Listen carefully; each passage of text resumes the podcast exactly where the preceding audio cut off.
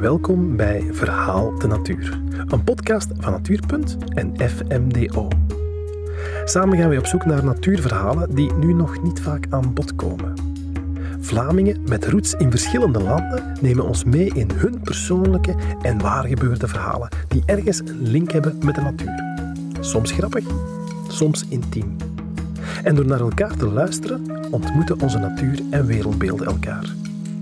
Christina is gefascineerd door de manier waarop we als mensen met ons afval omgaan. Ze beeldt zich in hoe de dieren en planten in het bos hierop zouden reageren. Christina nam haar verhaal op in haar moedertaal Spaans en in haar nieuwe taal, het Nederlands.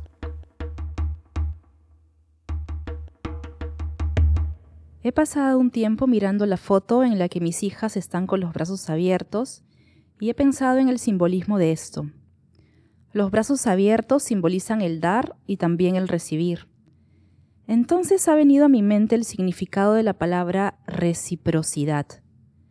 La reciprocidad tiene una estela circular de ida y vuelta, de dar y recibir, de entregar y retomar. Asimismo es como funciona la naturaleza, sus ciclos y sus ecosistemas. Asimismo funcionan los hijos de la madre naturaleza. Asimismo debemos hacer los humanos. Hoy he caminado por Nachtegalen Park y me he puesto los lentes de mis hijas para ver la realidad desde su perspectiva. Así es más fácil y agradable contarles una realidad desde la imaginación. Durante la caminata he conocido nuevas amistades que tienen algo que decir. Hola, mi nombre es Buck He estado aquí por décadas, y si caminas en el bosque y te fijas, estoy ahí. Te he visto todos estos años. Te he visto andar, reír, gritar, correr, y disfruto de tu presencia en el bosque. Soy un árbol que puede tener hasta 46 metros de altura y vivir hasta 400 años. Hay muchos como yo en Flandes y en las Ardenas de Walonia. Durante estos años he podido ver muchos hechos impactantes y escuchar historias sorprendentes. ¿Te has dado cuenta de que tengo ojos? Los niños, las niñas y las personas que vienen por primera vez se dan cuenta muy rápido de mis ojos, pero quienes han vivido siempre aquí se fijan poco en esto. En la parte más alta de mi tronco guardo nueces, cuando éstas están maduras, caen al suelo y durante el invierno son utilizadas por unas pequeñas amigas, las ardillas. ¿Sabías que hay ardillas voladoras? Una mañana de otoño, cuando era aún muy joven, escuché un extraño ruido cerca a mis pies. Cuando abrí mis ojos, me encontré con un pequeño animal peludo color marrón que hacía movimientos nerviosos. De pronto pude ver que había construido una torre con mis nueces. Enseguida le dije, ¡Ey, amiga! ¡Detente! Las nueces no son para jugar. El pequeño animal subió con sus garras justo hasta frente a mis ojos y me dijo con una extraña vocecita, algo así. Soy la ardilla voladora y no estoy jugando a las torrecitas con tus nueces. Estoy acumulando alimento para mantener caliente a mi familia durante el invierno. Quedé impactado y un poco asustado. Sin embargo, admiré su capacidad de ahorro de alimento y el abnegado trabajo que hacía por su familia. Así que no tardé en hacer muchas preguntas y aprendí mucho de mi pequeña amiga. Tenía muchos hijos y había construido un hueco en el árbol vecino. Ahí vivía se llevaba bien con las aves y hacía algo más magnífico, algo que la convirtió en mi superamiga favorita. Ella dispersaba semillas y hongos por el bosque. Esto es muy importante.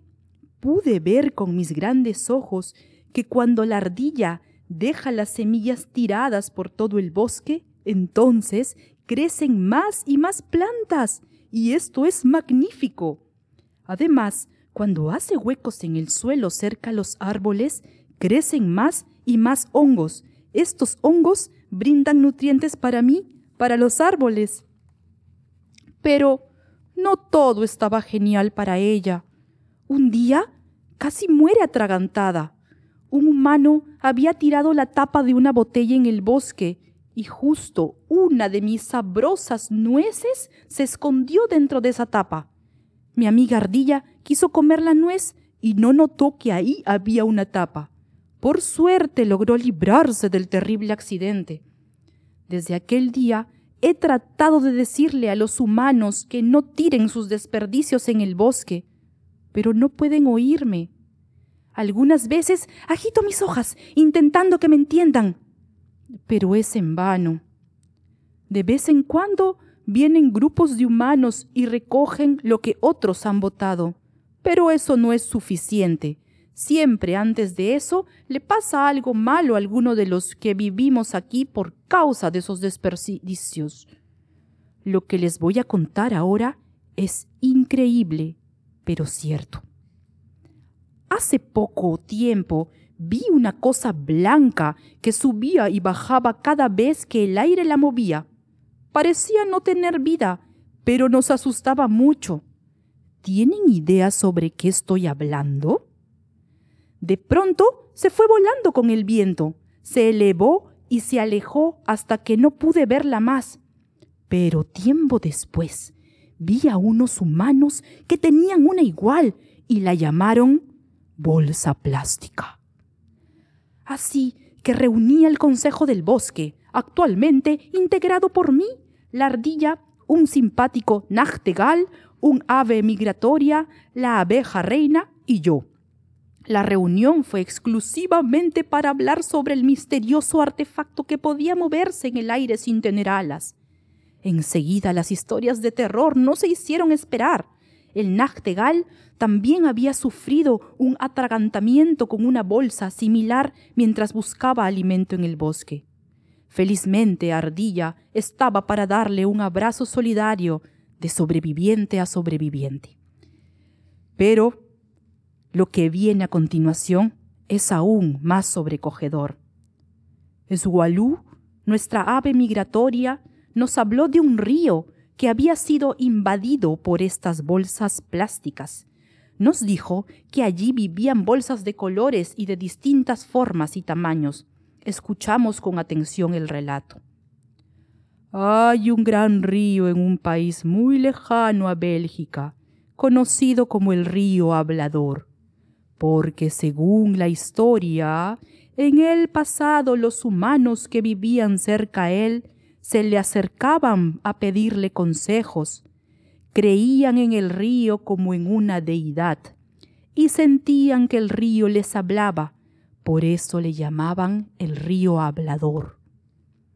Es hermoso pensar en que los humanos se acercan a los ríos o a los bosques y se dan cuenta de que están vivos, pensé en aquel momento, y di tal suspiro que varias nueces cayeron sobre las luciérnagas que dormían a mis pies. Perdón, amiguitas, susurré. Ahora el río hablador se ha convertido en el río que llora, nos dijo Esgualú con lágrimas en los ojos. Pero, ¿por qué? grité perdiendo el control. Pues por la cantidad de bolsas plásticas que llegan al río movidas por el viento, dijo mi amiga Ardilla, que siempre entendía todo muy rápido. Supimos así que también los ríos eran afectados por esas famosas bolsas plásticas que los humanos dejaban y terminaban lastimando a los ríos, a los bosques y a quienes vivimos ahí, incluidos los mismos humanos.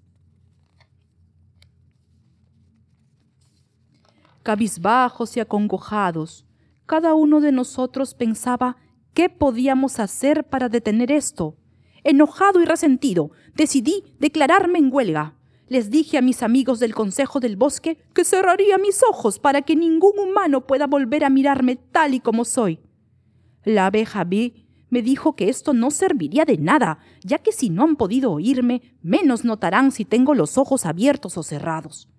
B nos dijo, a lo largo de mis años, luego de poner ya casi un millón de huevos de abeja y de ver el trabajo de las abejas obreras esparciendo el polen de las flores por el bosque, He notado que todo está maravillosamente interconectado y debemos hacer que esa conexión se mantenga. Pero, ¿y qué hay con los humanos? pregunté ansioso. Ellos también son parte del bosque y de esta casa, dijo inteligentemente mi querida amiga Ardilla. Se darán cuenta, tarde o temprano, que en el mundo de la madre naturaleza nada se pierde ni se desperdicia. Todo se utiliza y se vuelve a utilizar. Ahorramos lo máximo que podemos para el próximo invierno. Como en un círculo. Aquí mismo está la clave.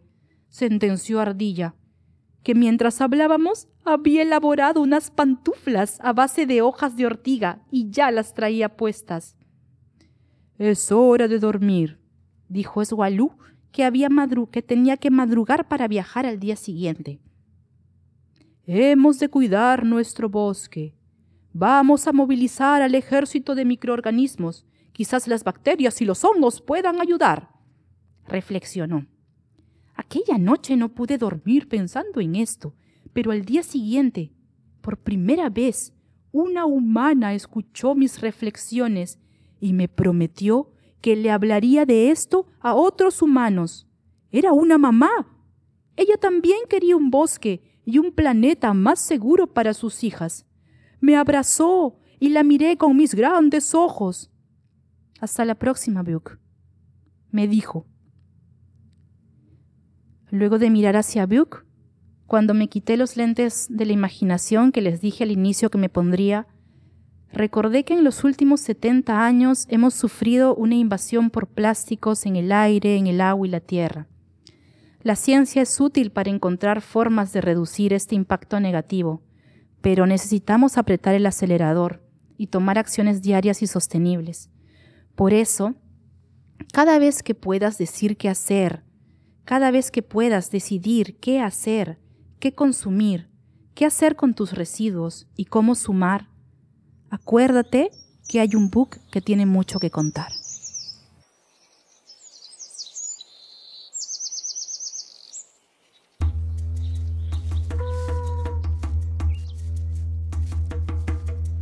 De podcast Verhaal de Natuur is een samenwerking tussen FMDO, een vereniging die werkt aan positief samenleven in diversiteit, en Natuurpunt. Ze kwam tot stand onder deskundige begeleiding van Relaas. Deze podcast is deel van nog meer uitwisseling en dialoog tussen natuurgidsen, rappers, slampoëten en de superdiverse leden van FMDO. Beter van dit project is Antwerp stadsdichter Sekou. Meer resultaten kun je bekijken en beluisteren op natuur.be slash verhaal de natuur. Een project met steun van de Vlaamse overheid.